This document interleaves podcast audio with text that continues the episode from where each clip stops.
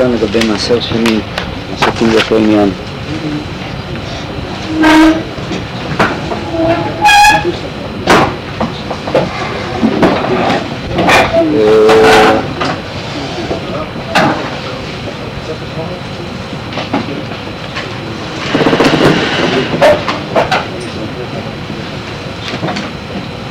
אה, בשיעור הקודם אה, ראינו, ניסינו אה, לראות בעקבות המקורות שלמעשה בנושאים הנדונים, נדר, הקדש, תרומה, מצאנו אה, שני קווים. קו האחד, שהללו מתחלים בלב, ראינו גמר בליבו, והקו השני באמת דיבר על כך שצריכים דווקא אה, מרפא שפתיים, הגדרנו את זה כקו חסידים או קו עממי, ובכל מקרה יש נוסחאות שבאמצעותם חל הנדר וחל השבועה. איפה, גדעון נמצא?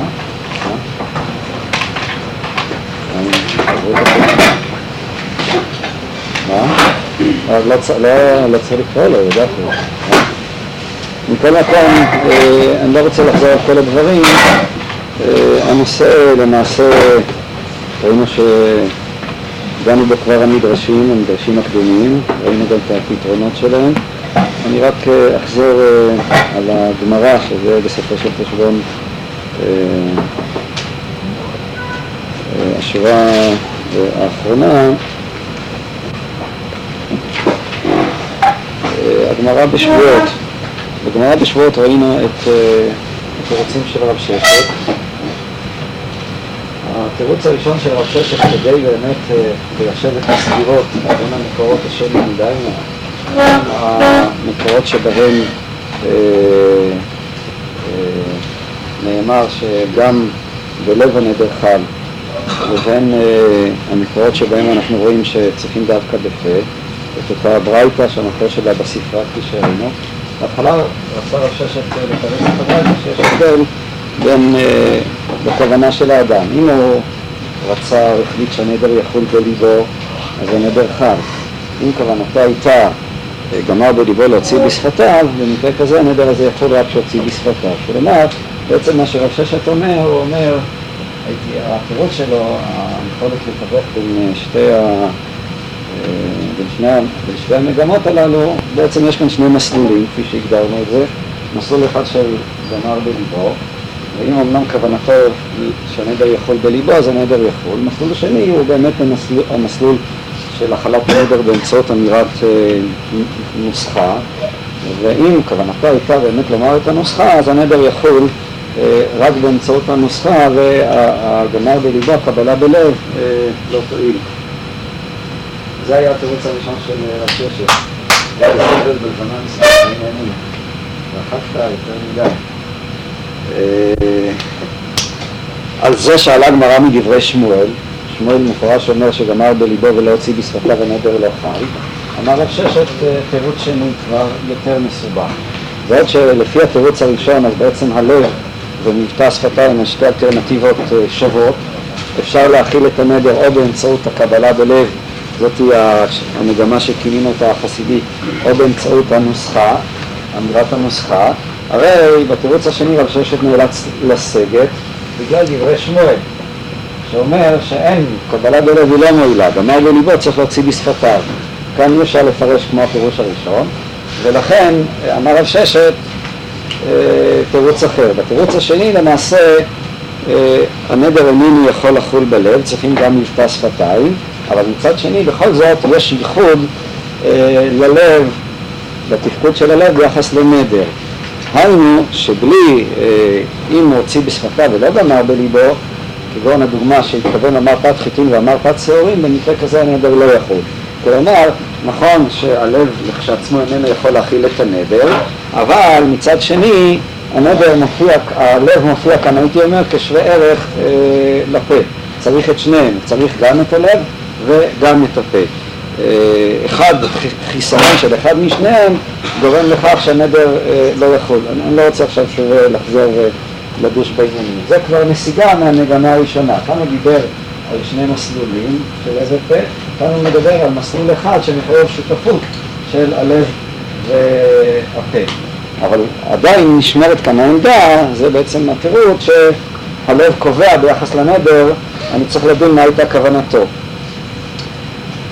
הדבר הנוסף שעלה בסוגיה הייתה קושייה מתרומה, מהקדש ותרומה, וכאן הגמרא באמת אומרת שכל הדברים הללו הם נכונים ביחס לנדר ולשבועה, אבל לגבי הקדש ותרומה, כאן הם חלים באמת בפה. כלומר, כאן עדיין אה, נשמרה ההלכה, הייתי אומר, הראשונית, שמופיעה בספרה, שהללו יכולים לחול רק בלב, מכל נתיב ליבו, כך דורשת הגמרא, ואמרנו שגם כאן ההבחנה איננה הבחנה שרירותית, אלא יש כאן תפיסה יותר כללית ביחס להקדש ותרומה, שבאמת לגביהם הלב פועל יותר, כפי שאנחנו מוצאים בהרבה הלכות, במיוחד ביחס להקדש, לגבי הלכות פיגול וכן הלאה, שהכוונה קובעת את ההלכות. בירושלמי אני רק מסכם פשוט את התמונה כדי שאוכל להמשיך הלאה ולהיכנס לנושא של קידושים. בירושלמי אנחנו רואים אה, כיוון אחר. בניגוד לבבלי שיצא מתוך הנחה ברורה ופשוטה שלא ייתכן שהנדר יחול בלב, הרי הירושלמי, שהוא באמת אה, רוצה לתרץ או ליישב את דעת שמואל, הולך בכיוון אחר. כלומר, באמת יש כאן דבר שהוא, הייתי אומר, אפילו אופייני אה, להבדל בין הירושלמי לבבלי.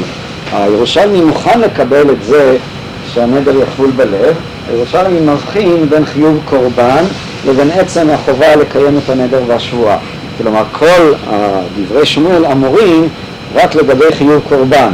כדי להתחייב בקורבן צריך שהוא יוציא בפיו. אבל לעצם החובה לקיים את השבועה, את הנדר, אז היא באמת יכולה לחול גם אה, בליבו.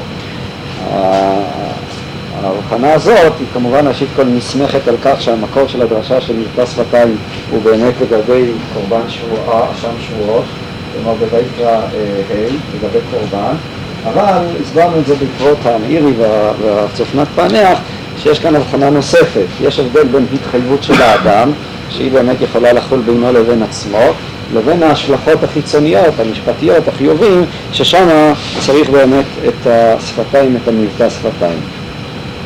זאת הייתה התמונה, התמונה כאמור לגבי אה, אה, נדר ושבועה, כן צריך להזכיר עוד נקודה אחת, השאלה של האחרונים.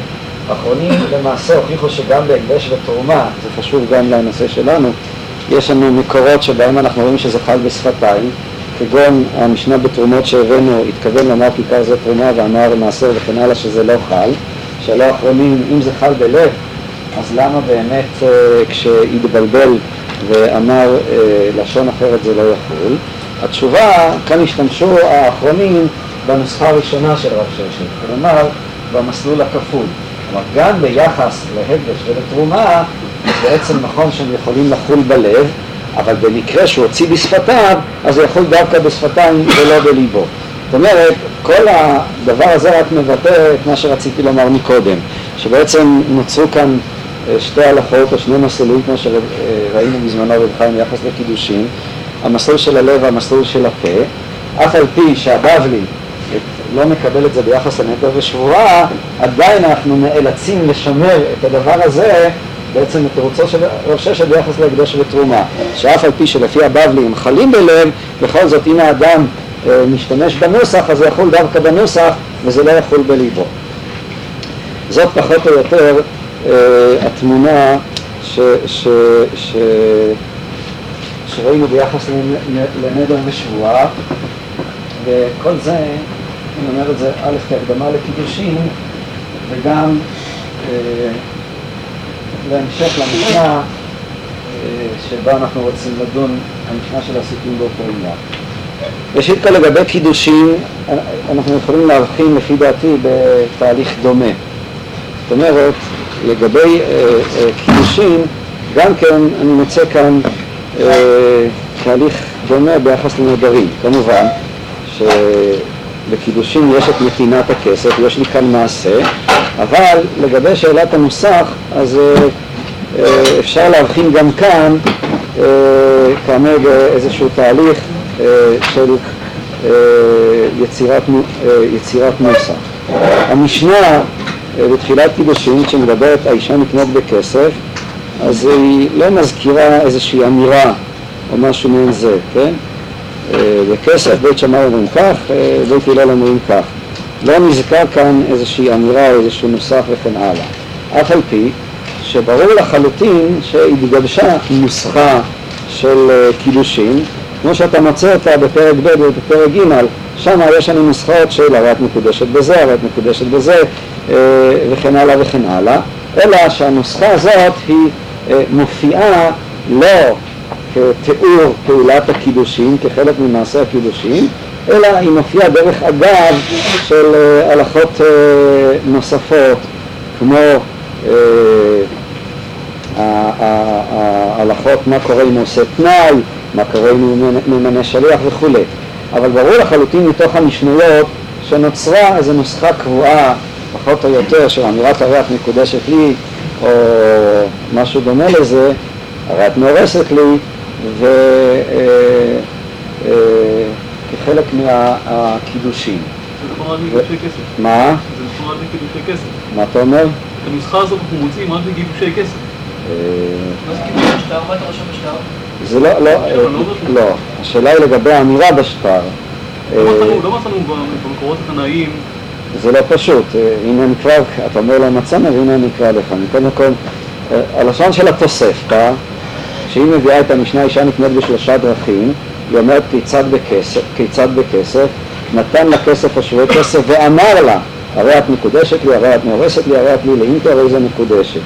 ואז אבל נתנה לו כסף או שווה כסף ואמרה לו, אינה מקודשת. בשטר, צריך שיאמר בשטר שיש בו אה, שווה פרוטה, ולא היא מתקדשת ולא בכל דבר וכולי. כאן הגרסאות הן לא כל כך ברורות, אבל ישנן גרסאות שגם בשטר ישנה אמירה. זה אה, דיון שהפוסקים דנו בו. אבל בכל מקרה, כאן במפורש נזכר, נזכרת איזושהי אה, צורה של אה, אמירה, של נוסחה, כחלק מפעולת הקידושין. כלומר, כשהתוספתא מזכירה את הקידושין, היא מזכירה אמירה של נוסחאות לצורך החלת הקידושין. גם כאן, כמו אה, ביחס לנדרים, הדובר העיקרי הוא שוב אה, שמואל.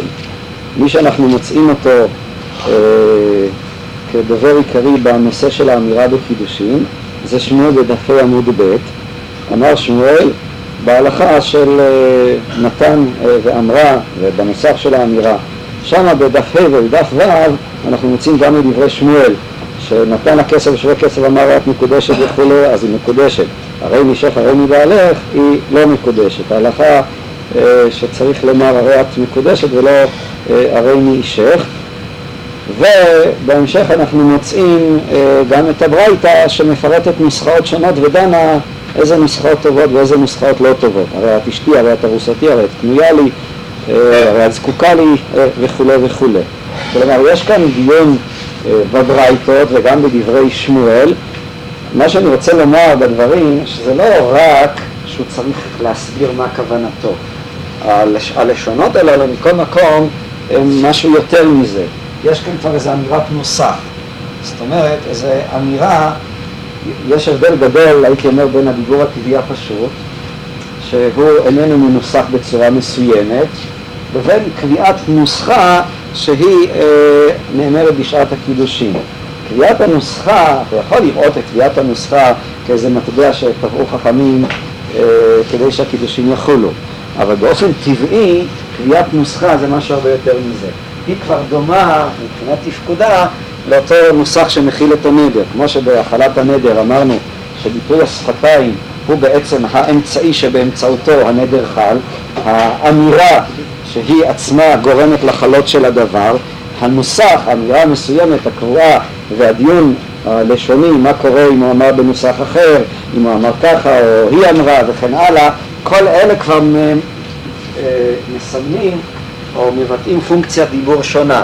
זאת אומרת, כבר לא מדובר רק על דיבור כזה שכוונתו להבהיר את רצונם של האיש ושל האישה, ברגע שאתה נכנס לשאלות איך הוא אמר, אם אמר הרי נמשך, או שהוא אמר הרי את מקודשת, אם נתן ואמרה, וכל הלשונות אה, אה, האלטרנטיביים, קנויה לי וכולי, צלעתי, האם הם טובים או לא טובים, אלה כבר לא שאלות של כוונה, זאת אומרת זה כבר חורג, אלה שאלות של נוסח.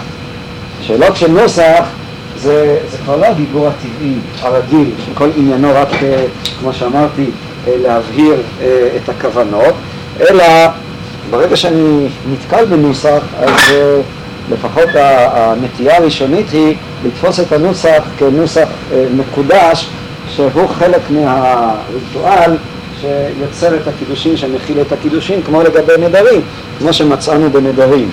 ודאי שהדבר הזה מצטרף לאותו דיון של ידיים וקידושים שכבר דיברנו, שגם כן אין, אין מקום לדון עליו, שכל השאלה היא רק שאלת הכוונה, האומדנה, מה היה בדעתו וכן הלאה. אם זה אומדנה, צריך לדון בדיני באומדנאות, וזה כבר תוצאה של הסיטואציה וכל uh, הסיפור כולו. אבל ברגע שכבר דנים בשאלה מה קורה דיבור חלקי וכולי, דנים בשאלות של נוסחאות, אז כבר יש כאן איזושהי תפיסה שהדיבור עצמו הוא חלק מיצירת הקידושים, הוא כבר פועל אה, כדיבור, אה, אני לא יודע איך אה, לכנות אותו, לגבי נדרים השתמשנו במילה דיבור מגי, כאן זה, המילה היא לא כל כך מתאימה, לא מדובר באיזה יצירת קדושה או הקדש או משהו כזה, אבל באיזו אמירת נוסח שבאמצעותו נוצרים הקידושים ולא רק בדיבור הטבעי שכוונתו להבהיר אה, את הכוונות ואת הרצונות. בבקשה. האם זה רק הרגשה, או האם זה כמו... זה שיש נוסח, אפשר לפרט את זה ולהגיד... תראה, צריך כאן להבחין אה, בין אה, החלק של ההרגשה לבין החלק של ההוכחה. כלומר, עצם זה שאתה נתקל בנוסח, העובדה הזאת עצמה, אריאל, אוי אריאל, אריאל אמר הנביא, מה? מה? אתה איתנו? אם יש לך שאלה, אז תשאל. לא... שיחה ירווח לי, אמר יורק שהיו לו בעיות. אז אה, אה, עצם המושג של נוסח קבוע, מדוד, מסוים וכולי, באופן טבעי, אבל כאן זה לא הוכחה הכרחית, הוא כבר מבטא איזה נוסח מקודש שפועל מכוח ה... מהכוח הפנימי שלו, כחלק מהעניין. זה, אבל כמובן דבר לא מוכרח, אתה יכול לבוא ולומר שהנוסח זה בעצם איזה נוסח שקבעו חכמים אה, כדי אה, שבני אדם לא יתבלבלו, אם כל אחד ילך וימציא לעצמו נוסח, אז לא אה, חלילה לא לומר את דברים, את ה... אה, לשכוח את האמירות החשובות, ואז עלול לגרום לפסילת הקידושים. לכן קבעו נוסח. זה כמו השאלות של נוסח התפילה, כן?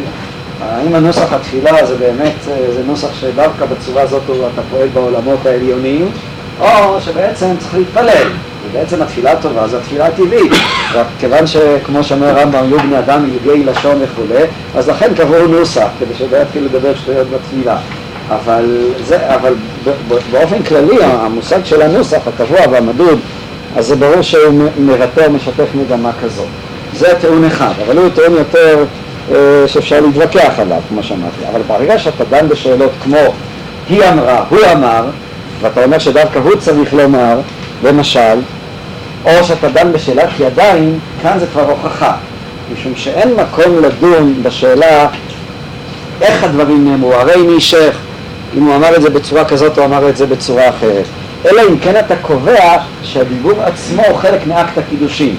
אבל אם הדיבור הוא רק הבהרת רצונות וכוונות, אז ברגע שרצונו וכוונתו מובהרת וברורה לנו, אז מה זה משנה אם היא אמרה והוא ננהנו בראשו, או אמר כן, או נתן את הטבעת, הרי ברור מבחינת הסיטואציה שהוא התכוון לקדש אותה. ברור שברגע שנכנסים לדיונים מעין אלו, דהיינו לדיונים שאומנם הם דיונים שכבר במישור של הגמרא או במישור של שמואל, אז כאן התפיסה היא באמת של נוסח כחלק מיצירת, כחלק מהמהווה של הקידושים. ולכן ברור לחלוטין שיש כאן איזו תפיסה יותר מרחיקת לכת של הדיבור של הקידושים. אה, כן, אני לא, לא אמרתי כאן חידושים, אני רק רציתי, אה, כן. מה? איך להסביר את זה וכן הלאה, זאת שאלה נוספת. אני רק מצביע על כך שיש כאן דיבור, והדיבור הוא בעצם דיבור של נוסח, וכנוסח הזה פועל מכוח הנוסח ולא מכוח, או, או, או מכוח, הוא, הוא לא דיבור טבעי, אה, אלא הוא דיבור יוצר שיש כאן חשיבות לאופן שבו הוא אה, אה, נאמר. אני חושב שהרב זאת קצת הכללה של המקורות התנאים, ברייתות עצמן, ברייתות עצמן מדף ו', אתה רואה שתי מגמות, אלה שמנסות לחפש את ה... לבדוק את הלשונות בפסוקים, והברייתא שמדברת על יהודה, ככה העולם מדבר. כשאתה בוחן את הדברים, איך העולם מדבר, זה בהחלט יכול להיות עניין של אה, אינפורמציה פשוט, כוונתו, כוונתה, משהו כזה. כשאתה בודק באמת בפסוקים, אז אה, באמת נראה איזשהו נוסח שצריך אה, להוכיח אותו, שהוא נוסח... תראה, יש כאן את השאלה שבה אנחנו נדון בהמשך, לא היום, אבל זה הנושא של השיעור הבא, הברייתא שכן קוראים ביהודה. זה המקור היחידי שאתה יכול להצביע עליו, לא נראה לי, כן, בסדר, הוא המקור הבעייתי כאן בתוך בכל הסוגיה הזאת, אז באמת אני כרגע לא, לא אתייחס אליו. יש שם מקור אחד של פסוק ומקור אחד של יהודה? בסדר, אז זו השאלה של הגמרא, יהודה ועוד מקרא, ולכאורה זה מבטא, כמו שדיברנו, שתי מגמות אה, למעשה סותרות, הפוכות. מזה, אפשר לייחס את זה גם לרבי יהודה ורבי יוסי, שתי המקומות האלה. טוב, זה כבר אה, אה, הצעד הבא. אני רואה את זה בעוד כל מיני אה, אה, מקורות. אה, אמרתי, בולט כאן לעין שגם שמואל, אותו שמואל שהוא הבעל המבטא שפתיים ביחס לנדרים, אה, עם כל אה, אה, הדיון שם של והוא זה שעם אה, הידיים המוכיחות, נזיר עובר לפניו וכן הלאה, הוא גם הדובר ביחס לקידושים. ככה גם שמואל הוא זה שמחייב עסוקים באותו עניין, עסוקים באותו עניין ביחס לקידושים. וכבר הזכרתי באחד השיעורים שלפחות, אה, שוב, כפתיחה, עדיין לא הוכחתי שום דבר, כאנלוגיה ראשונית, אז עסוקים באותו עניין, אתה יכול לתפוס אותו אה, או להשוות אותו לנזיר עובר לפניו. זאת אומרת, כמו שבנזיר אני אומר אהה, וזה קיים בסיטואציה שנזיר עובר לפניו, אז אנחנו אומרים שכוונתו להיות נזיר. אותו דבר, פעולת קידושין, כשהיא נעשית בהקשר של עסוקים באותו עניין, היא הופכת להיות אה, פעולת קידושין. כלומר, עסוקים באותו עניין הינו למעשה יצירת הסיטואציה ולא אה, כפי שנראה בהמשך. אה, זה פחות או יותר הסקירה, אני חושב, של התמונה. מה שבעצם אני אמרתי, או הילטתי כאן, את העובדה שאנחנו רואים באופן ברור שנוצר מושג של נוסח בקידושין, נוסח שקשה מאוד, או בלתי אפשרי לתת לו רדוקציה של דיבור טבעי, אלא זה כמו איזה, אלא זה הופך להיות אה, דיבור לא טבעי, דיבור שהוא חלק מאקט הקידושין.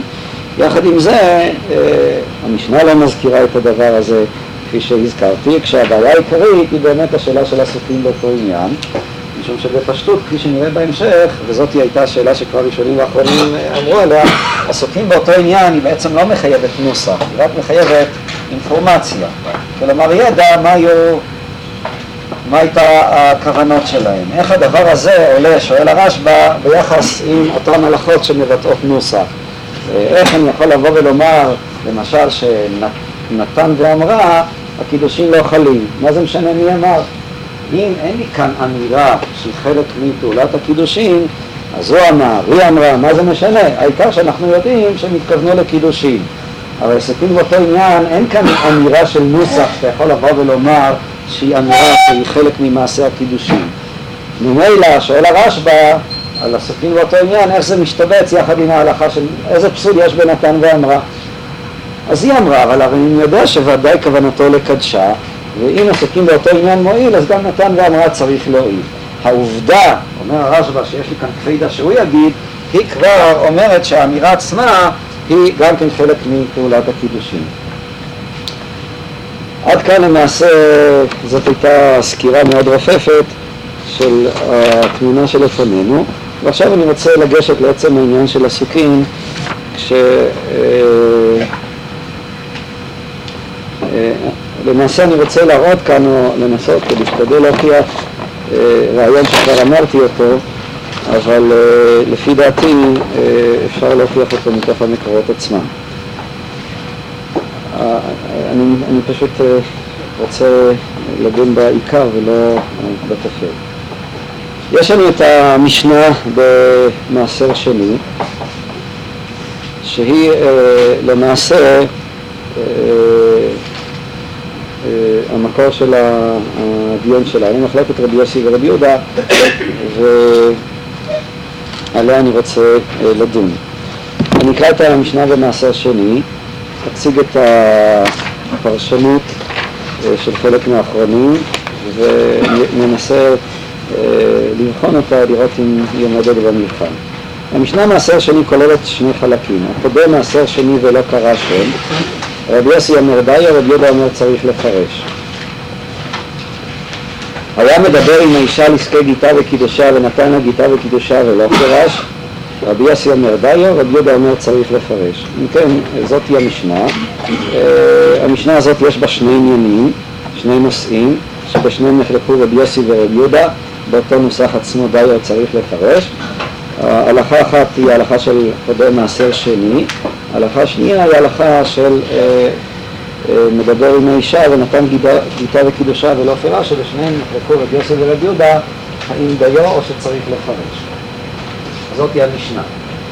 כפי שכבר ראינו, ההלכות הללו בתוספתא הן מורחבות יותר, הן אינן בתוספתא למעשר שני פרק ד', מי שהצילום לפניו יכול לראות את זה בפנים, למעשה ההלכות הללו מופיעות לא רק לגבי פדיון מעשר שני, אלא ההלכות הללו מופיעות גם ביחס להפרשת תרומות ומעשרות. שם אנחנו רואים אה, הפריש תרומה מעשר ראשון ומעשר שני ולא קרא להם שם, רבי יוסי אומר נתקדשו, רבי יהודה אומר לא נתקדשו.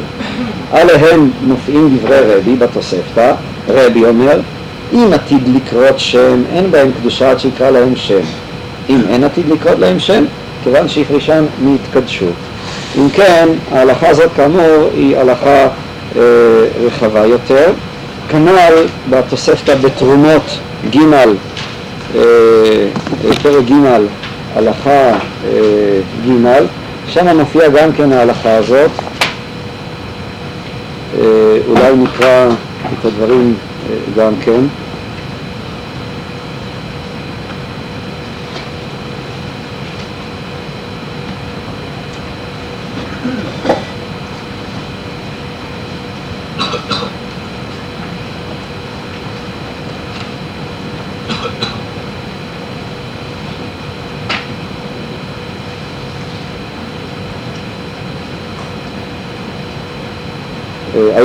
להפריש תרומה מעשר ראשון ומעשר שני ממתי מברך עליהם משהפרישם. הפרישם, אם עתיד לקרות להם שם, אין בהם קדושה עד שיקרא להם שם. ואם אין עתיד לקרות להם שם, כיוון שהפרישם נתקדשו. זאת היא התוספתא, היא מופיעה כסתם ברייתא, אה, אה, היא לא מופיעה דווקא בשם רבי, אבל אה, בעצם מופיעה כאן ההלכה של רבי. שהשאלה אם עתיד לקרות שם או לא עתיד לקרות שם.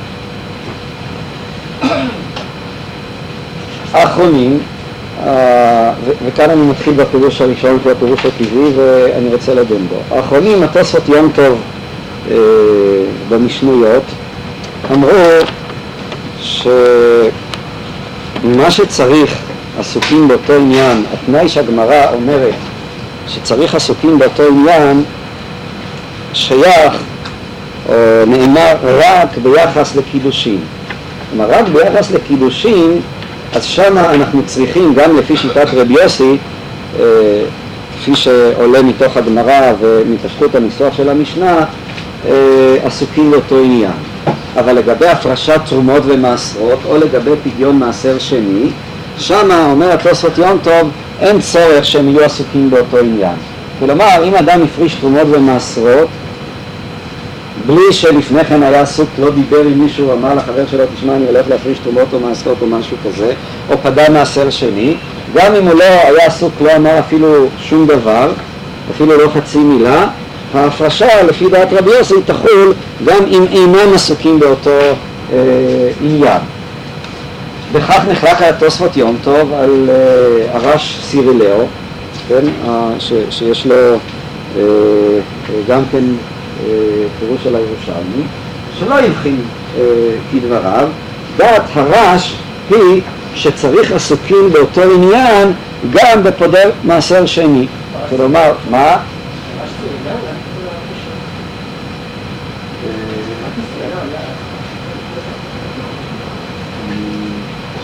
אה, באמת לא בדקתי את המקור, זה היה פשוט משום מה, זה הרש סירילאו.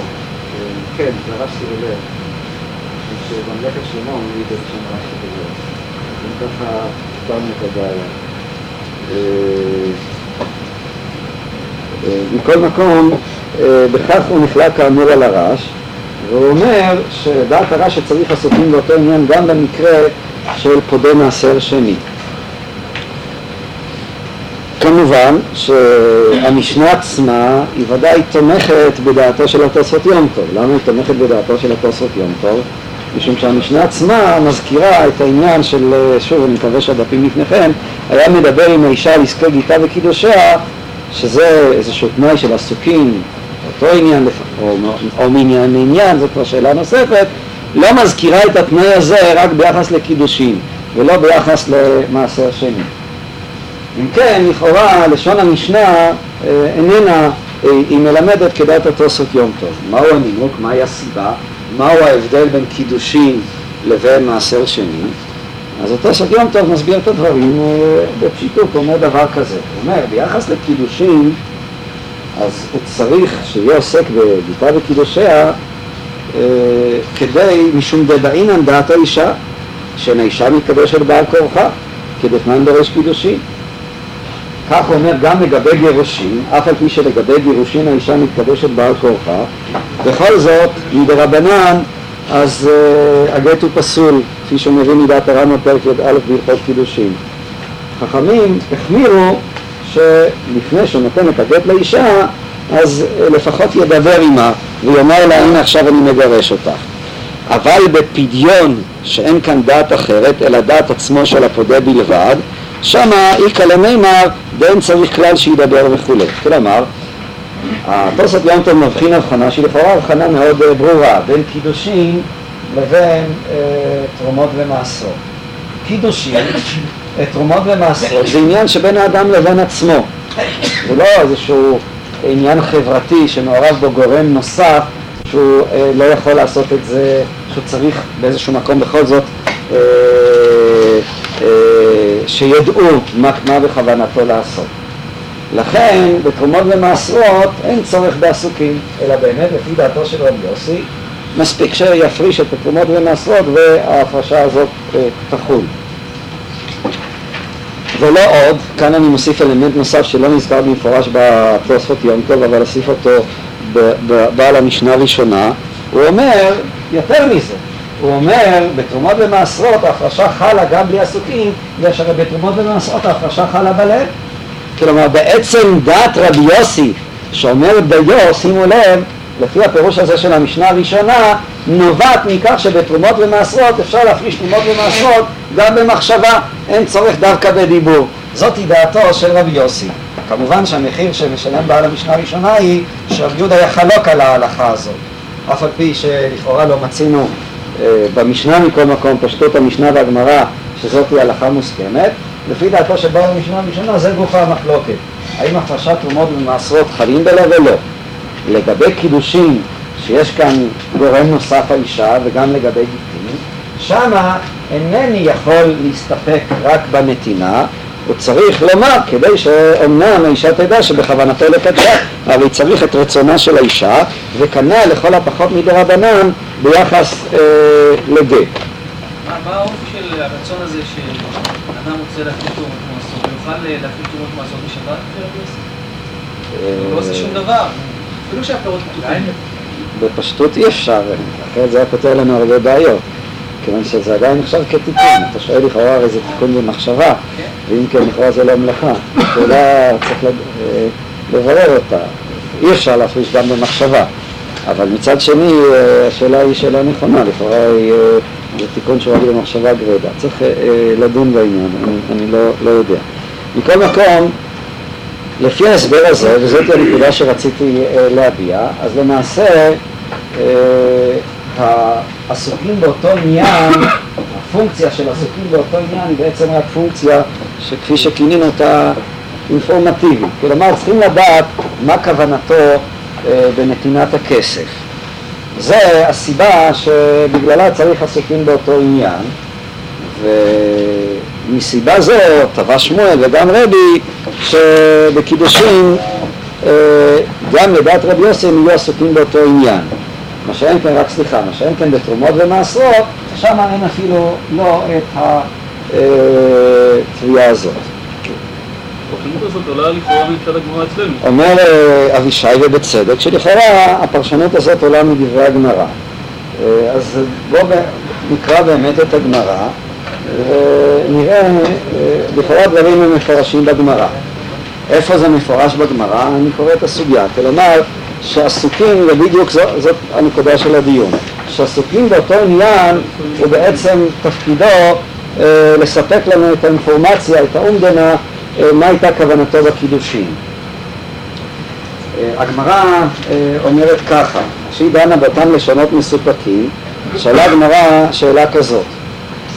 אה, אני פשוט אציג לכם את זה כשאלה שתענו עליה ומתוך זה נראה את הדברים.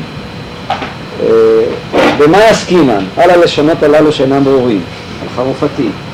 אילי מה בשאין מדבר עמה על עסקי גיתה וקידושיה, מן היד המלכה אמר לה. אם הוא לא דיבר איתה על עסקי גיתה וקידושיה אחרי שהיא יודעת שבכוונתו לקדשה, אם אנחנו לא מבינים מה פירושה של המילה הזאת חרופה או של שאר המילים, אז כל שכן אותה אישה שאיננה יודעת. אלא במדבר עמה על עסקי גיתה וקידושיה, אך אגב דלא אמר לה נמי. דתנן היה מדבר עם האישה על עסקי גיתה וקידושיה ונתן הגיתה וקידושיה ולא פירש. רבי יוסי אומר, כאן מובאת המשנה דיו. רבי יהודה אומר, צריך לפרש. ואמר רבון אמר שמואל הלכה כרבי יוסי. אם כן, אז שואלת הגמרא, אם ההלכה כרבי יוסי, אז אם כן, אה, אנחנו יכולים להסתפק ב"היה מדבר על עסקי גיתה וקידושיה", ו- ו- ו- ואז מהי השאלה לגבי חרופתי? מה משנה פירושה של המילה חרופתי? הרי סוף סוף אני יודע את דעתו מתוך העובדה שדיבר עמה בעסקי גיתה וקידושיה, אז זה מתרצת הגמרא, אמרו לעולם לא מדבר, אבל כיוון שהוא הוסיף, אז אנחנו כאן אה, נוצר לנו ספק. רק שנייה, אני קודם כל אחזור על ההוכחה. מה בעצם כתוב כאן בגמרא? בואו בוא נחזור רגע לשאלה, אני אשאל אתכם. הגמרא בונה את השאלה על רבי יוסי. זאת אומרת, היא אומרת ככה, כיוון שההלכה היא כרבי יוסי, ואם ההלכה היא כרבי יוסי, אז ממילא אה, עסוקים באותו עניין מועיל, ואם עסוקים באותו עניין מועיל, אז לשמה, או מה מפריע לי זה שהוא אמר חרופתי, אבל אני יודע מהי כוונתו, ואם אני יודע מהי כוונתו, אז ממילא לכאורה אה, זה שהוסיף עוד מילה היא לא צריכה להפריע לי, כוונתו ברורה שהוא התכוון לקדש אותה והאישה יודעת מהי כוונתו, היא יכולה להבין מתוך העסוקים מהי כוונתו. כל השאלה של הגמרא היא דווקא ליבא דרבי יוסי. מה אליבא דרבי יהודה? למה אליבא דרבי יהודה הגמרא אה, לא מקשה? כלומר, אם ההלכה הייתה כרבי יהודה, אז באמת הגמרא אה, לא הייתה מתקשה אה, בשאלה מהו הספק לגבי הלשונות הללו. מה אתם אומרים? מה ההבדל בין רבי יוסי לרבי יהודה? למה הגמרא לא יכולה לתרץ את השאלה מנאי אדם מייקה אמר למה אליבא דרבי יהודה הגמרא כן יכולה לתרץ את השאלה מנאי אדם מייקה אמר? מה?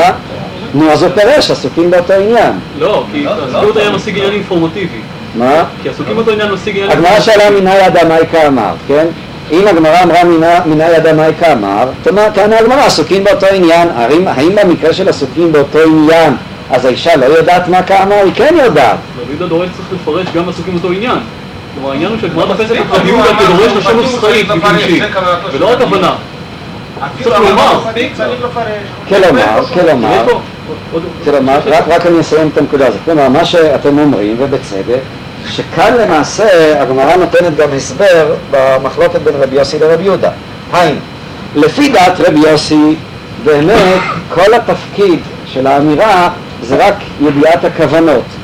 כיוון שכל התפקיד של האמירה זה ידיעת הכוונות, אז ברגע שהם עסוקים באותו עניין, אז ממילא אנחנו יודעים מהי כוונתם, ואם אנחנו יודעים מהי כוונתם, אז הקידושים צריכים לחול. מה זה משנה אם הוסיף עוד מילה לא ברורה, שלא הוסיף עוד מילה לא ברורה?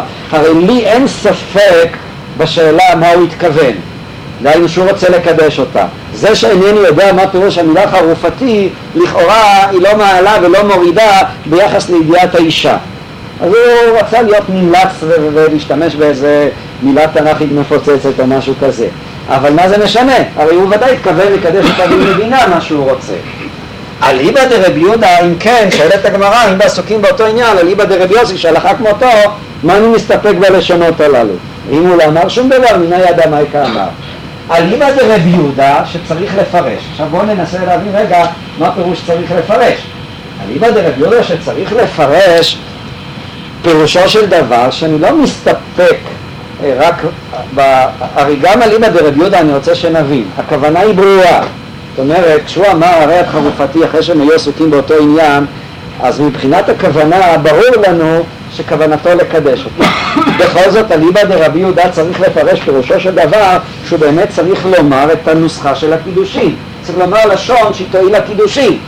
לכן אליבא דרבי יהודה גם כשהיא יודעת מה היא קמה, כשהיא מבינה, וגם אנחנו מבינים, עצם העובדה שאחר כך הוסיף איזו נוסחה פגומה או נוסחה שיש להסתפק לגביה, זה גורם לנו להסתפק אם הקידושין יחולו או לא. זאת אומרת, כאן בגמרא אנחנו כבר רואים פרשנות למחלוקת של רבי יהודה ורבי יוסי. היינו, אני חוזר שוב, אליבא דרבי יוסי שכל הפונקציה של העסוקים באותו עניין היא רק הפונקציה האינפורמטיבית, אז עסוקים הוא מועיל. זה שהוסיף עוד לשון היא לא תקלקל, משום שהאינפורמציה, האומדנה, היא לא נפגמת בכך שהוסיף עוד לשון לא ברורה. כך בכל זאת סברה הגמרא בקושייתה. אליבא דרבי יהודה, אז השאלה איננה רק השאלה של הברירות, כיוון שמבחינת הברירות זה ברור, אלא יש כאן באמת לשון של קידושין, זה פירושו שצריך לפרש. הראיה שעסוקים באותו עניין לא, מס, לא מספיק. ברגע שהוא הוסיף לשון של קידושין, דהיינו הוסיף נוסחה, ולא ברור לנו מה טיבה של הנוסחה, האם הנוסחה הזאת היא נוסחה כשרה או לא נוסחה כשרה, באותו רגע אז נוצרים ספק קידושין. זאת אומרת, לפי הפרשנות של הגמרא, השאלה שהמחלוקת בין רבי יוסי לרבי יהודה היא בדיוק בשאלה הזאת עצמה. האם באמת יש לי כאן איזה לשון של קידושין שהוא חייב להגיד אותה כדי שהקידושין הללו הם יחולו, ואם הוא לא אמר אותה אז הקידושין הם לא חלים, גם אם כוונתו ברורה לחלוטין, לעומת זאת, אליבא דרבי יוסי, אז אין צורך בלשון או בנוסח, אלא אליבא דרבי יוסי, כל מה שצריך זה רק את המידע של הכוונות, וזה מועיל עסוקים באותו עניין. אם הוא יוסיף לשון פגומה, הלשון הפגומה היא לא תעלה ולא תוריד. ואז יוצא שהגמרא עצמה בעצם, מתוך הגמרא מוכח כדברי התוספות יום טוב, שכל הפונקציה של עסוקים באותו עניין היא רק הפונקציה, כפי שאמרתי, האינפורמטיבית. דהיינו, לפי דעת רבי יהודה צריך נוסח, לפי דעת רבי יוסי אין צורך בנוסח. ואגב, רק אני, סליחה שאני דוחה את השאלה שלך, רבי עקיבא איגר, אני מקווה שמותר להזכיר אותו כאן, רבי עקיבא איגר באמת שואל, הוא שואל שאלה שהיא תחדד לנו כאן את, העניין עד סופו. אומר רבי עקיבא איגר שאלה כזאת, שאלה מאוד uh, נפלאה, מאוד עמוקה, אבל היא הופכת לנו את כל הקערה כאן על פיה. אומר רבי עקיבא איגר ככה, כמו שאליבא דרבי יהודה, העובדה שעסוקים באותו עניין היא עדיין לא תכשיר את הקידושין, משום שצריך לפרש, וברגע שהוא אמר נוסחה פגומה, אז שוב יש לי ספק האם הקידושין חלים או לא. אותו דבר עצמו אומר רבי עקיבא עגר, גם אליבא דרבי יוסי. הרי אליבא דרבי יוסי צריכים להיות עסוקים באותו עניין, ורבי אמר צריכים להיות עסוקים באותו עניין, הכוונה היא צריכים להיות עסוקים באותו עניין, באותו עניין דווקא. זאת אומרת, אם כן, אה, אומר הרבי עקיבא עגר, הוא שואל ככה, אז כמו שאליבא דרבי יהודה, שאמרנו שצריך לפרש, אף על פי שכוונתו ברורה, בכל זאת העובדה שהוא הוסיף שם לשון מקולקלת, היא מקלקלת לי את העניין, אז גם אליבא דרבי יוסי, העובדה שהוא מוסיף לשון מקולקלת, היא תקלקל את העסוקים באותו עניין. זאת אומרת, היא תגרום לכך שהקידושים לא יחולו. אף על פי שיש לי כאן ברירות מהי כוונתו, הרי הברירות הזאת היא קיימת גם אליבא דרבי יהודה. בכל זאת הלשון המקולקלת הורסת כאן את הקידושים. מה זאת אומרת? רבי יוסי לא דורש את זה בכלל. מה? אנחנו דנים מתוך אה, אה, התפיסה של רבי שבעצם רבי מפרש את רבי יוסי. זאת אומרת, מה בעצם, מה? לכאורה, לכאורה אתם אומרים ובצדק, מה השאלה? הרי רבי יוסי בכלל לא, לא, לא מחייב נוסח, הוא לא מחייב לשון, אז מהי השאלה של הרבי עקיבא עגר? אבל... למה זה, למה אפשר לומר שזה בעצם התשובה של הגמרא? לא, התשובה של הגמרא... הגמרא אומרת שהלשון מקלקלת, אולי זו הפשט לתשובה של לא, יש הבדל, לא, השאלה היא כזאת, השאלה האם הלשון היא מקלקלת או שהלשון היא. כלומר, אליבא דרב יהודה הבעיה איננה שהלשון מקלקלת, אליבא, אליבא דרב יהודה הבעיה היא שיש כאן היעדר לשון. הרי הלשון, הרי, הרי בהווה אמינא בקושה הגמרא הבחינה בין רב יהודה לרב יוסי. מה ההבחנה? שאליבא דרב יהודה שצריך לשון, אז אין לי כאן לשון. אליבא דרב יוסי שאין צורך בלשון, אז העובדה שאין לי כאן לשון היא לא מפריעה. מתרצת הגמרא, לא. כאן הלשון היא לא רק היעדר לשון, אלא היא מקלקלת. אומר הרבי עקיבא איגר אותו דבר גם אליבא דרב יוסי. דהיינו, הלשון המקולקלת היא היעדר, היא פוגמת בעסוקים באותו עניין. שואלים אתם ובצדק, הרי זה גוף מה שרבי יוסי אומר שלא צריך לשון. ברור שהרבי עקיבא איגר הבין, וזאת היא ההנחה שלו, הנחת היסוד שאנחנו רואים אותה בעוד מקום. רבי עקיבא איגר הבין שעסוקים באותו עניין הוא לא רק ממלא את הפונקציה של אה, חשיפת הכוונות או של הנהרת הכוונות, אלא עסוקים באותו עניין, הוא בעצם עונה על שאלה אחרת. עסוקים באותו עניין פירושו של דבר שאם הוא עשה את פעולת הקידושין מתוך העסוקים, בהקשר של עסוקים באותו עניין, אז אני בא ואומר שעסוקים באותו, שהפעולה הזאת הופכת להיות פעולת קידושין. זאת אומרת, זה דומה להק שנזיר עובר לפניו. העסוקים באותו עניין, גם רבי יוסי לא מסתפק רק בהנהרת הכוונות. רבי יוסי צריך את העסוקים באותו עניין כדי שהפעולה של נתינת הכסף, סתם נתינת כסף איננה קידושין. מה הופך את פעולת הכסף לקידושין? ההקשר, ההקשר, בהקשר, אה, לתוך הקידושין הללו אה, את האמירה הפגומה, את האמירה המקולקלת, הדבר הזה גופה יפגום בעסוקים באותו עניין, שהרי מה? הדבר הזה גופה עלול, אה, יגרום לכך שנתינת הכסף היא לא תהיה נתינה, נתינת כסף של קידושין. רבי יהודה לא מצריך את הלשון, אבל זה עדיין לא אומר, רבי יוסי לא מצריך לשון, אבל זה עדיין לא אומר שרבי יוסי מסתפק רק בהנהרת הכוונות. זה הגמרא אומרת. זה לא אומר, אבל הגמרא אומרת. אז אני אומר שוב, זאת הקושייה של רבי עקיבא עגל. עכשיו, רגע, בוא רגע אה, נמקם את החזיתות. ברור לחלוטין, מתוך הגמרא, דהיינו כדי, אה, השאלה של רבי עקיבא עגל היא רק מחדדת את העובדה שהגמרא לא סוברת ככה. זה, זה מה שאתה אומר. מצד שני, רבי עקיבא איגר, כך פירש את הדברים, ומכוח הדבר הזה אה, נשאר בקושייה בגמרא. לא, מה? מאיפה לקחת רבי יוסי את ההגדרה הזאת? אני אגיד לך, ראשית, אתה צריך להציג את הקושייה בצורה יותר מתוחכמת. נטל ההוכחה מוטל על הגמרא, לא עלינו. זאת אומרת, ובצורה הזאת, אה, אה, הגמרא היא זאת שצריכה להוכיח את העמדה שלה כדי להקשות.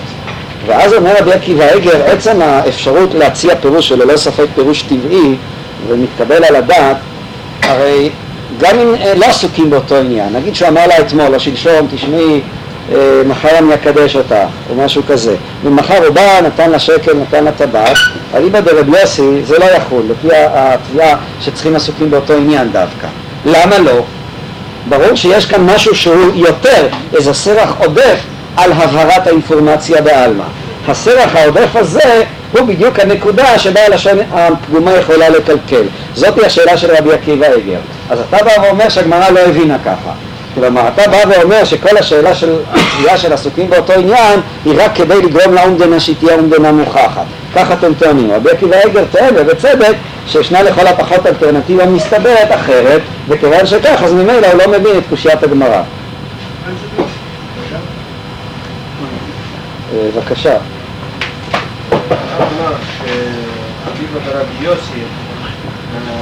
באותו עניין, זה רק פונקציה אינפורמטיבית. זה לא בדיוק דבר, זה פונקציה אינפורמטיבית שנהפכת להיות פונקציה אינפורמטיבית. אה, זאת בדיוק השאלה. לפי הפירוש של הגמרא, זה לא, זאת הקושייה של רבי עקיבא עגר. אני מסכים איתך. ודאי, זאת קושיית רבי עקיבא עגר, אבל כנגד זה טוען אבישי שזה לא הכרחי, דהיינו, לא רק שזה לא הכרחי, אלא שהגמרא ודאי יצאה מתוך הנחות אחרות. אני חושב שגם המקורות התנאים הוא לא כזה, כי אם אנחנו משווים את זה למחלקתה במעשר שני למשל, לאט לאט, אני רואה שאתה קצת רץ קדימה, תכף אני אגיע גם לנקודה הזאת. רק עוד הערה אחת לגבי העניין הזה, יש עוד הוכחה בגמרא לשיטת התוספות יום טוב, שזה פשט הגמרא, הוכחה אפילו יותר ישירה. בנושא הגופה, הרי כשהגמרא מביאה את דעתו של רבי אלעזר ורבי שמעון, שלא, אף על פי שאין עסוקים באותו עניין, אז היא שואלת, אילם עסוקים באותו עניין, מנאי האדמה היא כאמר לה? כלומר, ברגע שאתה מוריד את עסוקים באותו עניין, הבעיה היא של מנאי האדמה היא כאמר לה, הבעיה אינפורמטיבית. ועל גבי זה חלוקים רבי יוסי ורבי יהודה. לא, הם נחלקו מעל הרמה האינפורמטיבית. אם. ידעת להקשות כל כך טוב, אז תוכל גם לתרץ. מה, אני חושב שזה עוד הוכחה לשיטת הגמרא. לא- לא אני. אומר, אתה יכול לדחות את ההוכחה הזאת בקל, זה מה שאני אומר. אם יש לך את החריפות להקשות את זה, אז צריכה להיות לך את החריפות גם לתרץ את זה. זה לא שני דברים שמוצאים אחד מהשני. מנאי יד המייקה אמר זה הנחת תשתית ברורה, וברור שעסוקים באותו עניין עונה עליה. זה עדיין לא אומר לא באותו. עניין עונה, הוא ממלא רק את התפקיד הזה. יכול להיות שהוא ממלא עוד תפקידים, אבל מהתפקידים הנוספים אתה לא יכול אה, להקשות על רבי שמעון בן אלעזר, משום שאתה יכול לבוא ולטעון שרבי שמעון בן אלעזר לא מצריך אותם.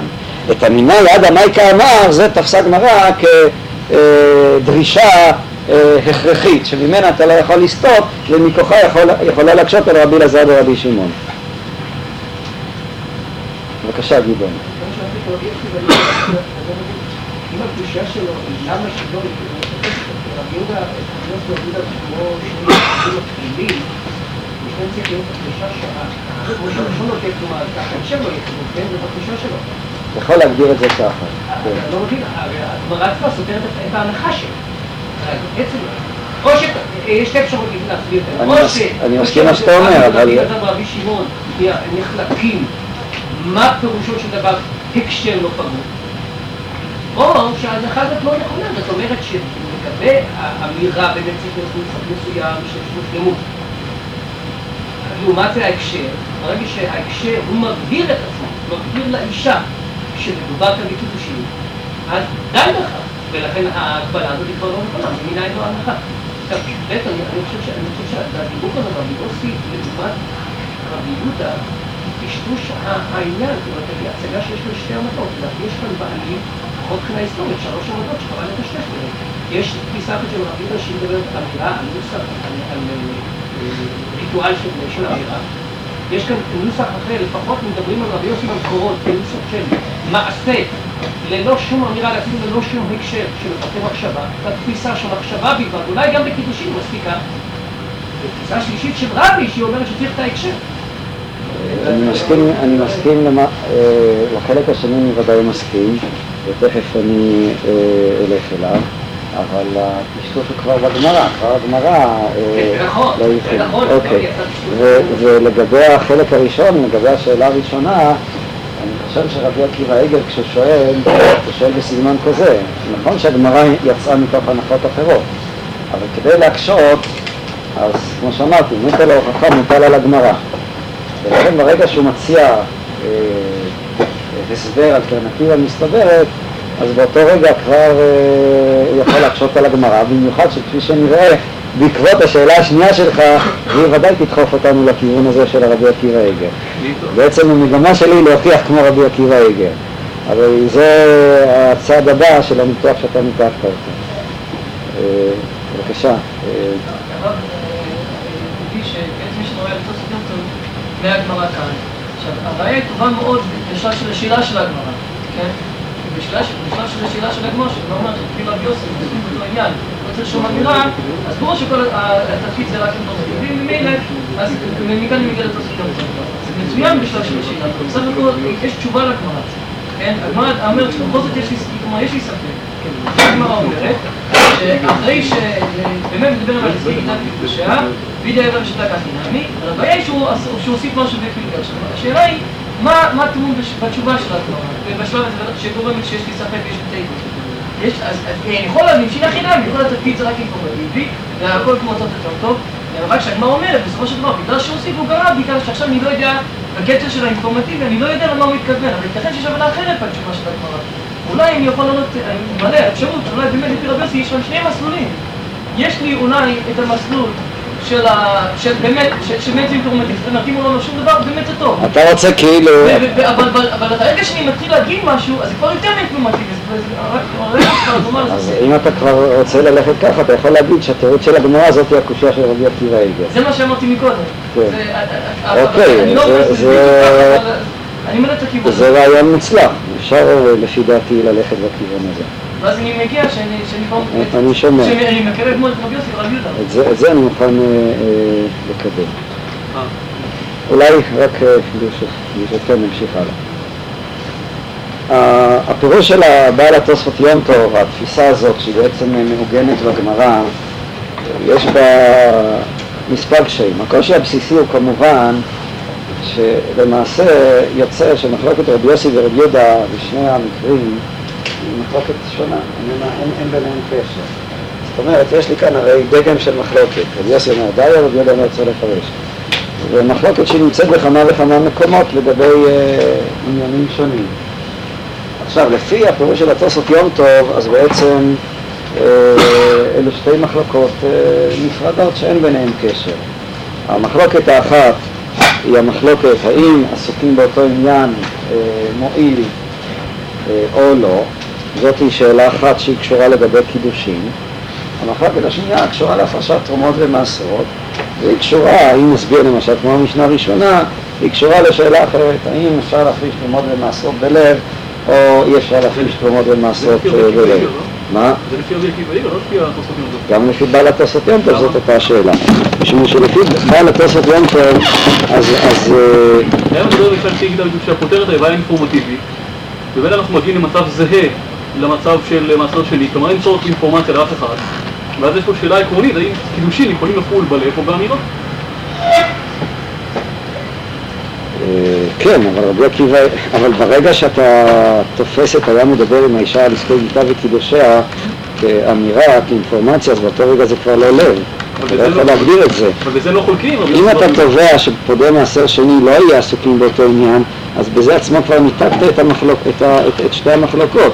שהרי היה מדבר עם האישה לפני וכיתה וקידושיה, אז הייתה כאן אמירה אינפורמטיבית, דהיינו אנחנו יודעים מהי כוונתו. לא ואז שוב זה לא דומה לפודה מעשר שני. לא, לא, לא, אבל זה לא מחלוקת רבי יוסי ורבי יהודה. כלומר, מחלוקת רבי יוסי יהודה בקידושין היא על גבי מדבר עם האישה לעסקי גיטה וקידושיה. כלומר, לפי שניהם קידושין צריך שהאישה תדע. אתה צריך לדבר עם העסקי גיטה וקידושיה. אחרי זה, למרות שהיא יודעת, הם חלוקים, האם צריך לפרש או לא. כלומר, האם קידושין חלים בלב או באמירה, וזה בדיוק מקביל למחלוקת עם המסורת. אבל אני אומר, זה לא נכון, משום שברגע שהוא מדבר עם האישה לעסקי גיטה וקידושיה, אז באותו רגע כבר זה לא קידושין בלב. זה כן קידושין בלב, אין פה נוסחה, אין פה נוסחה. זה, זה, זה נכון שמצד אחד אין כאן נוסחה, אבל מהצד השני אתה לא יכול לבוא ולומר שזה בלב, כשהוא ביטא את דעתו במפורש ויש לנו אומדנה מוכחת לא. אה, בליבו ולב כל אדם שכוונתו לקדשה. האומדן, א', אומדנה זה לא בעיה, אומדנה זה עדיין בלב. עכשיו, לגבי זה שהוא דיבר, אני חושב שעם העמדה הזאת בכלל גם לא אכפת לי שהוא יכתוב לי את זה או משהו כזה. כלומר, הדגש של מדבר עמה לפי תפיסת הגמרא, הוא לא איזה סרח עודף של משהו מעבר לידע האינפורמטיבי. לא משנה, אבל באותו רגע שכבר אתה טבעת את הים מדבר עם האישה, אז באותו רגע כבר זה ממלא גם את הפונקציה הנוספת. זה לא ממלא, כי זה לא עונה לקריטריונית של נוסח.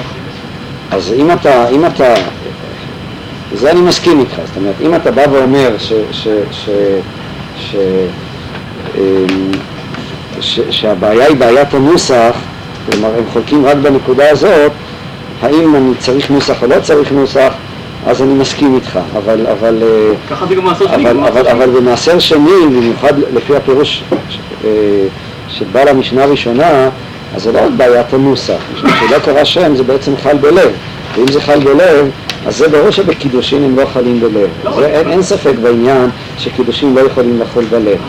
אז אתה כאילו רוצה להעמיד את כל המחלוקת רק על הצד האחד, על לא. הצד של הצריך לפרש. גם במעשר שני, אז הדיבור לפי רבי יהודה צריך להיות בזמן הפרשת המעשר שני. עכשיו, מבחינה זאת היה מדבר עם אישה לפי גיטה וקידושיה לפני כן, זה בכלל לא פותר לי את הבעיה של הדיבור בזמן הקידושים, זה לא דיבור שיוצר חלות. זה דיבור אינפורמטיבי שהיה לפני, אה, לפני שעתיים, וזה בכלל לא יעזור לי עכשיו כדי ליצור חלות. ועכשיו לשיטת רבי יוסף, קידושים חלים בלב, לחלוטין בלב. אני לא מסכים איתך, אם אתה רוצה שזה יהיה עסוקים באותו עניין, למה אתה סובר שהקידוש הזה לא יכול אה, לעזור לי ביחס לחלות? לא למה אתה לא תסתכל על זה כדיבור? אם אתה תצמצם את כל השאלה כשאלת הנוסח, אז אני מסכים איתך, אבל התוספת יום טוב לא מעלה את זה, זה כבר הייתה תוספת שלי, אני שאני רואה שהקדמתי אותה יותר מדי, ולכן אה, זה היה בכלל המוסיף גורע. בפשטות, השאלה אם צריך לפרש או אני מסתפק בעסוקים, כלומר באומדנה. זו המחלוקת לגבי קידושין. ואז אין בין המחלוקת הזאת לבין המחלוקת ביחס למעשר שני ולא כלום. זאת בעצם הבעיה של אה, פודה מעשר שני. מה? אני לא מסכים. כלומר, אני, אני חושב ש... ש... אני בדיוק הגעתי זה הפוך. כלומר, אני חושב שדווקא לשיטת התוספות יום טוב, זה בדיוק אותה מחלוקת במעשר שני ובקידושין.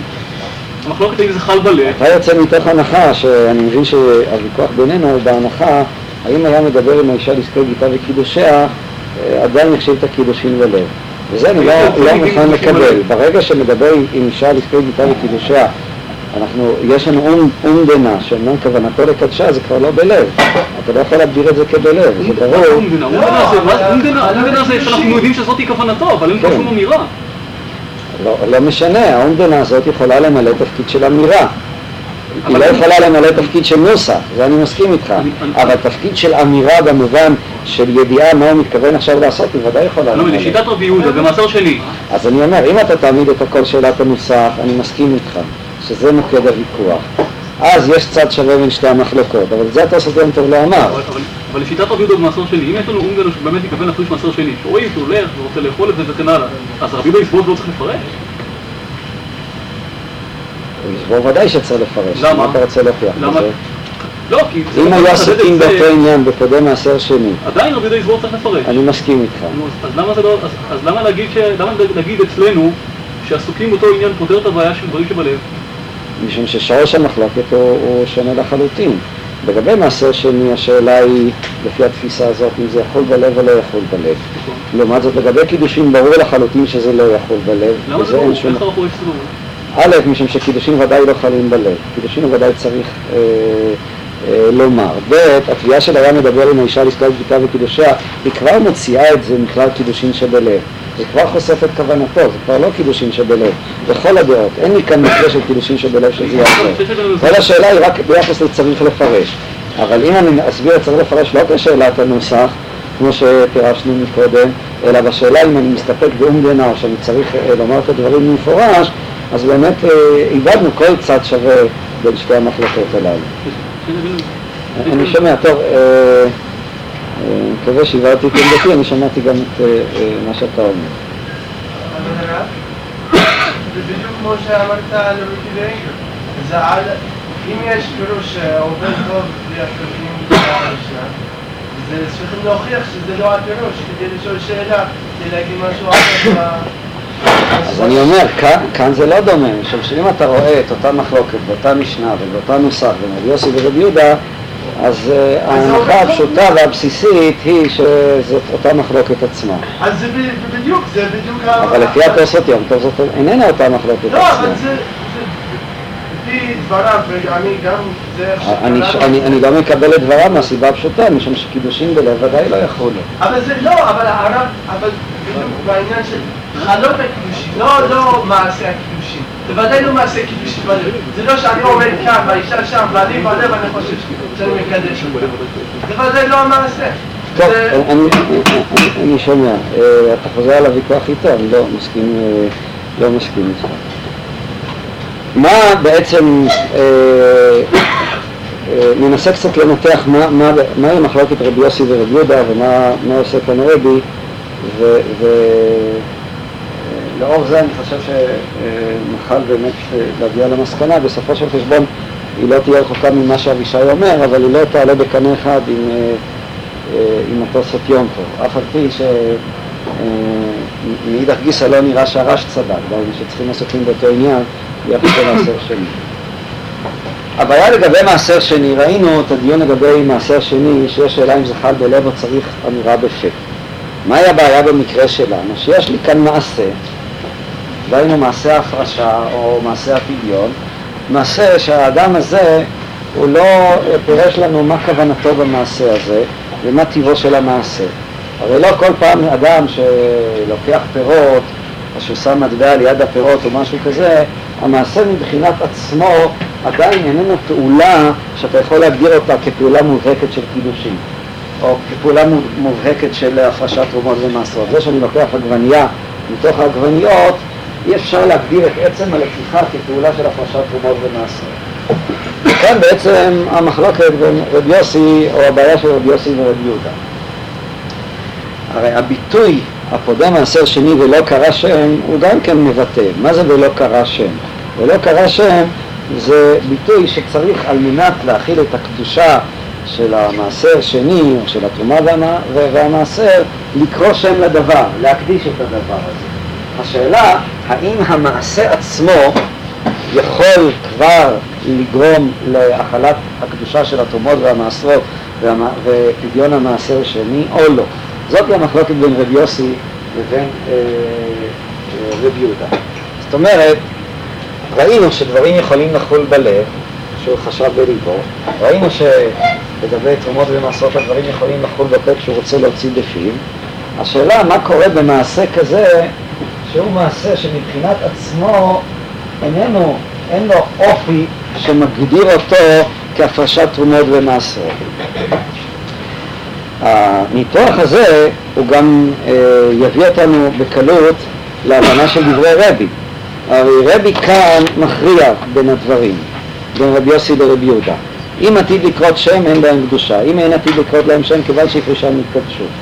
מה בעצם הקריטריון של רבי עתיד לקרות שם או לא עתיד לקרות שם? נשים לב שרבי לא בא ואומר אם בליבו קרה שם זה חל ואם לא קרה בליבו זה לא חל, אלא הוא דן בשאלה אם עתיד או לא עתיד. הרבי למעשה אומר שזו שאלה של סיטואציה.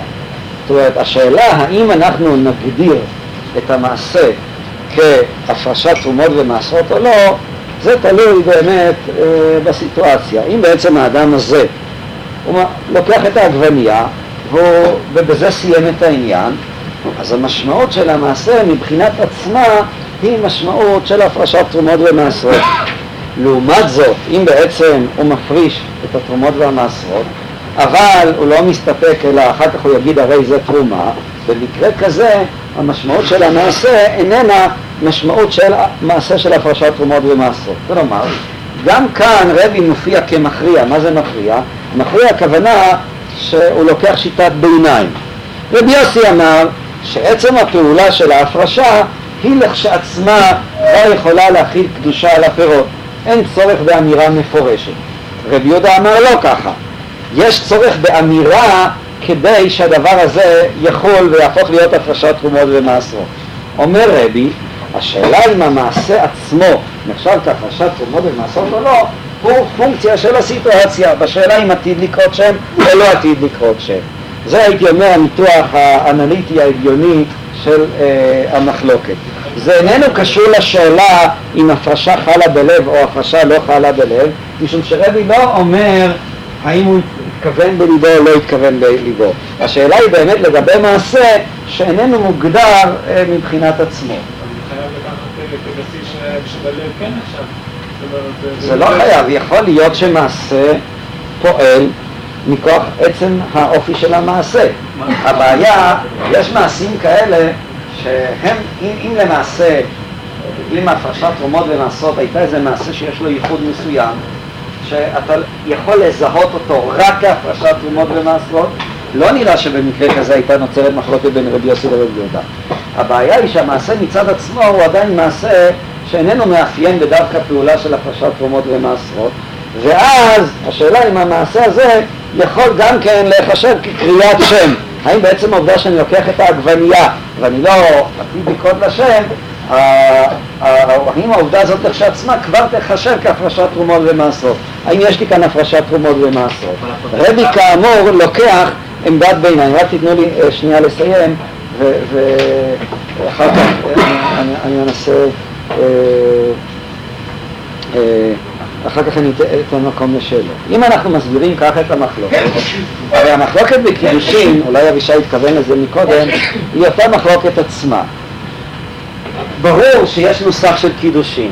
השאלה, המחלוקת בין רבי יוסי לרבי יהודה היא בשאלה מה קורה כשבן אדם הולך ונותן פרוטה לאישה, בא ונותן לה שקל. השאלה מינה ידה היא לא עמדה כאן על הפרק. י, ידה, איך ידה? יש ביניהם טלפתיה, אני לא יודע איך ידה.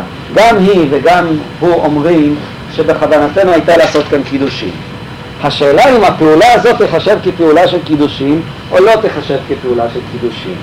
האם המעשה מצד עצמו יש לו את אותו כוח כמו האמירה או לבוא במקום האמירה. לאט לאט, אני, אני לא הולך כאן בעקבות הגמרא. זאתי בעצם מחלוקת בין רבי יוסי לרבי יהודה.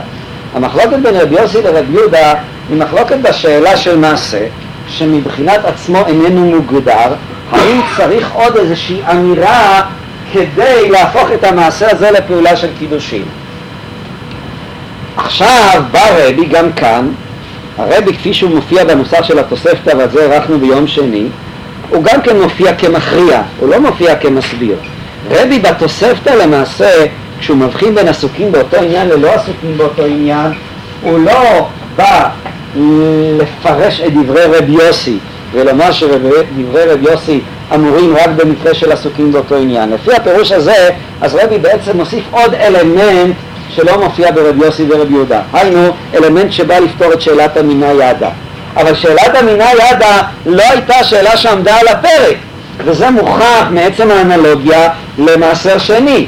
האנלוגיה למעשר שני, שבה גם כן נחלקו רבי יוסי ורבי יהודה, אין בה את שאלת המינה ידה, כמו שאמר התוספות יום טוב. על כורחנו אם רבי מופיע, ובתוספתא הוא מופיע כמכריע ולא כמפרש, אז הוא בעצם נוקט עמדת ביניים. מהי עמדת הביניים? עמדת הביניים היא שוב עמדת הסיטואציה. מתי מעשה יחשב כמעשה קידושין? זה תלוי בסיטואציה. אם עסוקים באותו עניין, כלומר הם כאן עסוקים בחתונה, בה, כן, יש כאן חופה, והכלה לבושה בלבן, והחתן עונד צילינדר, והוא נותן לה טבעת, ובטעות שכח לומר ואת מקודשת וכל הצילום מזדעזע, וכן הלאה. אומר רבי יוסי, אבל זה קידושין, עסוקים באותו עניין. זה ודאי קידושין, אף אחד לא יבוא ויאמר שבזה שהוא נתן לה עכשיו את הטבעת הוא התכוון אה, סתם לתת לה מתנה. הרי אנחנו יודעים שזה מה שהוא עושה כאן. זה מעשה שמבחינת עצמו מעשה קידושין, ולכן בכוחו לפעול לא פחות מאמירת הנוסחה. אבל אם אינם עסוקים באותו עניין, סתם כך הוא בא, תופס אותה ברחוב, אה, נותן לה טבעת או שתל, זה לא פעולה שאתה יכול להגדיר אותה כפעולה של קידושין, ולכן לא יחולו הקידושין. מבחינה זאת הוא נוקט איזושהי עמדת ביניים בין רבי יוסי לרבי יהודה. רבי יוסי אמר, לא, גם בלא עסוקים באותו עניין, המעשה מצד עצמו יכול לעשות קידושין. מינה ידה? ידה. מן הגורן ומן הרקב. לא זאתי השאלה שבה הם דנים. השאלה שהטרידה את הגמרא היא לא השאלה הנידונת בין רבי יוסי לרבי יהודה, וזה אני אומר מוכח מעצם העובדה שיש לי כאן דגם אחד של מחלוקת שנמצא בכל המקומות הללו, וברור שברוב המקומות, חוץ מאשר קידושין, שאלת המינה יד הכלל לא עולה לפרק. גם רבי, וזאת ראיה נוספת שמופיע כמכריע, הוא יכול להופיע כמכריע רק אם אתה מסביר את העסוקים לא כפתרון לשאלת המינה ידה, אלא כפתרון, לש... כ... כהכרעה בין לגבי השאלה מתי מעשה יכול לפעול וליצור את אותה אה, חלות של קידושין. אם אמנם כך הם הדברים, ואני חושב שהניתוח עצמו הוא, הוא, הוא משכנע, אגב אני רוצה אה, להעיר, אה, אה, אה, אולי תכף אעיר את זה, מה שבני אמ, אמר מקודם. ראשית כל, אני רוצה להעיר בקיצור, אין לנו כבר הרבה זמן, להלכה, מה, מה לגבי גט? אולי נפתח בזה. מה לגבי גט? מהי האמירה ביחס לגט? דברים מפרשים ברמב"ם, בהלכות גירושין, פרק א', הלכה ט', אומר הרמב"ם לגבי האמירה של הגט, בכך הוא מצטט את המדרש תנאים אה, בתיקי תצא בפרשה של אה, בפרק כ"ד ומניין שאינו נותנו לה אלא בתורת גירושין שנאמר ספר כריתות ונתן בידה שייתן אותו בתורת ספר כריתות. אבל אם נתנו לה בתורת שהוא שטר חור או מזוזה או שנתנו בידיו ישנה וכולי אינו גט כאן הרמב"ם מדבר על הנתינה ומביא את ההלכה שמופיעה במשנה בגיטין דף ע"ח, שאם האדם נתן לאישה גט ואומר חיש תרחוב זה, אז הגט איננו גט. מהי הסיבה, אומר הרמב"ם, וכאמור מקורו במדרש תנאים, הסיבה היא שצריך לתת לה את זה בתורת ספר כריתות. זה החידוש דין שנלמד מהפסוק. אם כן, כאן אנחנו רואים דברים מפורשים, מה מטרתה של האמירה. מטרתה של האמירה היא לתת את הספר כספר כריתות. עד כדי כך, ולפי דעתי זאת היא ראייה מוחצת, אף אחד שאני לא מבין את זה, אבל הראייה עומדת בעינה. יש שם מחלוקת בגמרא בין רבי לרבי שמעון בן אלעזר, מה יהיה אם הוא נתן לה את הגט, ואחר כך הוא אמר הרי, הרי גיתך. אומר רבי, וככה נפסק להלכה, שזה הגט הוא חל. ואם אמר לה אחר כך, כך אומר הרמב"ם, הרי הוא גיתך, הרי זה גט. כך פוסק הרמב"ם, כלומר אמירת הרי גיתך היא טובה גם אם בהתחלה הוא אמר כנסי שטר חוב, הוא לא, לא היה לו נעים ככה, אז הוא אמר לה תקחי זה שטר חוב, נתתי לך כאן צ'ק, ופתאום היא פותחת את הצ'ק, רואה גט, אומר זה גיתך, זה גם כן מועיל לפי דעתו של רבי. עכשיו אני אומר, אם האמירה הזאת תפקידה, כמו שאומר התוספות יום טוב, שלא יגרש אותה בעל כוחה וכל הסיפור הזה כולו, תפקיד אינפורמטיבי, אין שום היגיון לבוא ולומר שגם האמירה שאחר כך תועיל. זה דבר שהוא חסר היגיון לחלוטין. אני לא מבין את ההיגיון ככה. למה אם האמירת הרי זה גיתך תפקידה להפוך את זה לנתינה של ספר קליטות, איך זה מועיל אחר כך? יש כאן הסבר של רב חיים אבל אני לא מבין אותו. רב חיים אומר שיש כאן שני חלקים, יש כאן את הנתינה ויש כאן את הספר קליטות והם לא צריכים להיות חופפים. הוא יכול בהתחלה לתת נתינה ואמירת הרי זה גיתך תהפוך את ה... תיצור את פעולת הגירושים. אני לא מבין את זה, אני לא מבין את שיטת רבי. אבל מוכח לי משיטת רבי שזאתי הכוונה של האמירה בגט והיא בעצם אמירה שתפקידה להנהיר את הנתינה ולהפוך את הנתינה לנתינה של גירושים. הרי הדברים הללו מפורשים, אה, אה, אה, מפורשים אה, אה, בדברי הרמב"ם. לא יעזור. מה? זה לא. אז אמרתי, אני לא מבין את שיטת רבי, אבל אני יכול כן להבין משהו שהוא בטוח לא, לא, לא, לא מסתדר לפי. כמו דהיינו שאם אתה בא ואומר שהתפקיד הוא להנהיר מה כוונתו, תפקיד אינפורמטיבי וכולי, אחר כך זה ודאי לא יעזור. אם אני תופס, וכאן אני רוצה להגיע לעוקץ, לפי ההסבר של רב כן יעזור. מה? את ההסבר של רב חיים זה לא, לא יכול לעלות בקנה אחד עם הפונקציה הנוספת הזאת. ועכשיו, מה שאני רוצה, ובזה אני רוצה לסיים, אם אנחנו מסבירים כך את הדברים, זה מסביר לנו כמה, אה, שתי נקודות ש, ש, שמאוד אה, התחבטנו בהן. ראשית כל, אני מבין היטב אה, את, אה, את, אה, אותה סתירה בסיסית שיש בין עסוקים באותו עניין לבין לשון של קידושין. השאלה הייתה, השאלה הייתה כזאת, אני חושב שכאן אנחנו מגיעים כאן אה, בעצם לדבר מאוד אה, נכון ויפה. השאלה הייתה, אם עסוקים באותו עניין מועיל, זה אומר שבעצם אין צורך בלשון של קידושין, אלא מספיק לדעת את הכוונות, אין צורך בלשון. אז השאלה הייתה, אם כן, מה תפקידה של הלשון? למה אני רואה כל מיני דינים בלשון שנתן ואמרה, אמירות לא טובות וכולי. אפשר תמיד לומר שלפעמים יכולה להועיל, לפעמים יכולה להזיק. אה, יהיו שיטות שיגידו שלפעמים כשעסוקים באותו לא, עניין... השאלה היא, כל מאחה את הלשון, נגיד שהלשון היא לא טובה. היא אמרה, אבל עדיין זה יפעל מדין עסוקים. זאת הייתה. השאלה. יכול להיות? שהלשון תקלקל. אני אומר, זה לא סביר, וזה כבר היה ויכוח אה, בזמנו. אה, מה? בסדר, אבל אה, אני- מסכים מה שאתה אומר. יחד עם זה היה ויכוח ביני לבין ישי. אם כל הלשון בעצם תפקידו להנהיר, מה זה משנה איך אמרו, מי אמרו, העיקר שנבין מה הכוונה. התשובה לפי דעתי ברורה לחלוטין. עסוקים באותו עניין, אין פירושו של דבר, וזה העוקץ של מה שרציתי להגיד, אין פירושו של דבר שאין צורך באמירה אה, וכל מה שצריך לדעת זה רק את הכוונות. עסוקים באותו עניין, פירושו של דבר, זאת הסיטואציה שבתוכה המעשה הופך להיות מעשה קידושין. מבחינה זאת זה ממש דומה לנזיר עובר לפניו. מעשה הקידושין הוא זה שיוצר את החלות, את הקידושין, כמו אמירת אהה. אם אמירת אהה נאמרת, המבטא שפתיים בזמן שנזיר עובר לפניו, אז אמירת האהה הזאת היא בעצם הופכת להיות אמירה שתכיל עליו את הנדר. זה עצמו עסוקים באותו עניין. אם אני תופס כך את עסוקים באותו עניין, אז בעצם עסוקים באותו עניין אומר שהקידושים חלים במקרה הזה על ידי המעשה, והדבר הזה ממלא את אותה פונקציה של מבטא שפתיים שיש לי את המקרה של לשון. זאת אומרת, העסוקים באותו עניין תפקידו למעשה ליצור את המצב, את הסיטואציה שמתוכה המעשה הוא הופך להיות מעשה קידושים. עכשיו במקרה שאין סיטואציה כזאת, אז הוא צריך לפרש, אז הוא צריך לומר. התפקיד של האמירה הוא בעצם אותו תפקיד של מבטא שפתיים שאני מוצא אותו בנדרים. דהיינו, להפוך את הפעולה של נתינת הכסף או הטבעת לקידושין, ליצור את המעשה כמעשה קידושין. זה לא תפקיד אינפורמטיבי גרידא, אלא זה באמת תפקיד שאומר שאם אתה עושה את הפעולה בלי שאתה תבוא ותאמר מה אתה עושה באותה פעולה, אז למעשה הפעולה הזאת לא יכולה אה, לחולל את התוצאות. בהקשר הזה, רק שנייה, בהקשר הזה המבטא שפתיים, הלשון לא רק ש, ש, ש, שהיא לא תעמוד בניגוד לעסוקים באותו עניין, ולא רק, אלא, אלא הלשון היא תהפוך להיות חלק מפעולת הקידושין עצמה. זאת אומרת, אם הלשון היא רק באה להסביר את הרצון של האיש, את הרצון של האישה, זה סיפור בפני עצמו.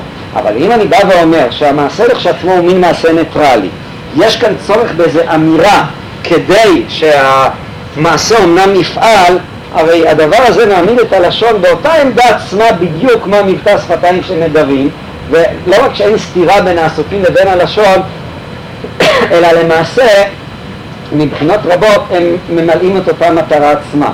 דהיינו, כמו שהתפקיד של עסוקים הוא להפוך את הפעולה של נתינת המעות לפעולה של קידושין, וזה דומה לנזיר עובר לפניו, ככה למעשה התפקיד של הלשון היא למעשה להפוך את אותה פעולה לפעולה של קידושין. אם אני סובר כך, אז הקושייה איך יש כאן דינים בלשון ושהלשון עומדת בסתירה למושג של עסוקים באותו עניין, לא רק שהיא איננה קיימת, אלא היא מובנת מאליה, כיוון שהלשון בעצם היא לשון, היא פונקציה של מבטא שפתיים, היא פונקציה יוצרת, היא פונקציה שתפקידה להפוך את הפעולה לפעולה של קידושים. אז יש מקום לדון בשאלה של הידיים, יש מקום לדון בשאלה מי אמר, באיזה נוסח אמר אה, וכן הלאה וכן הלאה. לעולם, אה, מבחינה זאת, כשהם לא עסוקים באותו עניין, אז הלשון, הלשון לא יכולה לבוא, אה, אה, אז, אז, אז, אז, אז אני לא יכול להסתדר בלי הלשון. ואם ככה אנחנו סוברים, ובנקודה הזאת אני אסיים, אז אנחנו מגיעים לעוד מסקנה מאוד ברורה. דהיינו, ברור לחלוטין, הפירוש הזה הוא הולך בעקבות התוספתא. הפירוש הזה הולך בעקבות הדברים של רבי בתוספתא של, של, של, של, של אה, אה, עסוקים באותו עניין. ובאמת לפי התוספתא, על אחד הקשיים שבזמנו דיברנו עליהם, שלכאורה בתוספתא רבי מופיע כמכריע. איך פתאום אה, אה, בגמרא הוא מופיע כמפרש? התשובה שלמעשה באמת הגמרא פירשה את העניין של עסוקים באותו עניין, היא פירשה אותו כמענה לשאלת המינה ידה. ואם זה מענה לשאלת המינה ידה, אז ברור לחלוטין שגם רבי יוסי לא יכול לוותר על זה. ברור שגם רבי יוסי יתבע את המינה ידה, לא ייתכן שהאישה תתקדש בלי שהיא תדע. אם עסוקים הוא מענה לשאלה הזאת, אז זה הופך להיות גם תנאי ודרישה בדברי רבי יוסי עצמם. ולכן הגמרא מתוך ההנחות שלה, אז היא באמת מפרשת דברים שעסוקים באותו עניין במובן, כפתרון לשאלת המינה ידה. אבל אם כך עם הדברים, אז מיד נפתחת לנו השאלה, אם כן, איזה פונקציות יש ללשון ולתביעות של הלשון ששמואל הוא זה שמדבר עליהן.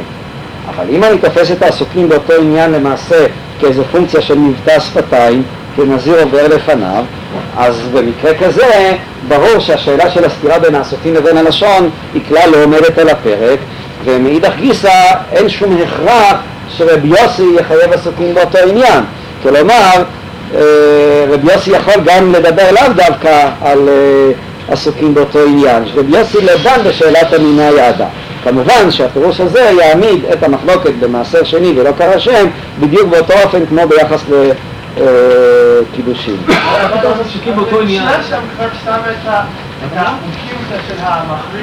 אם היית ביום שני אז היית שומע גם שלך. טוב, נסיים כאן.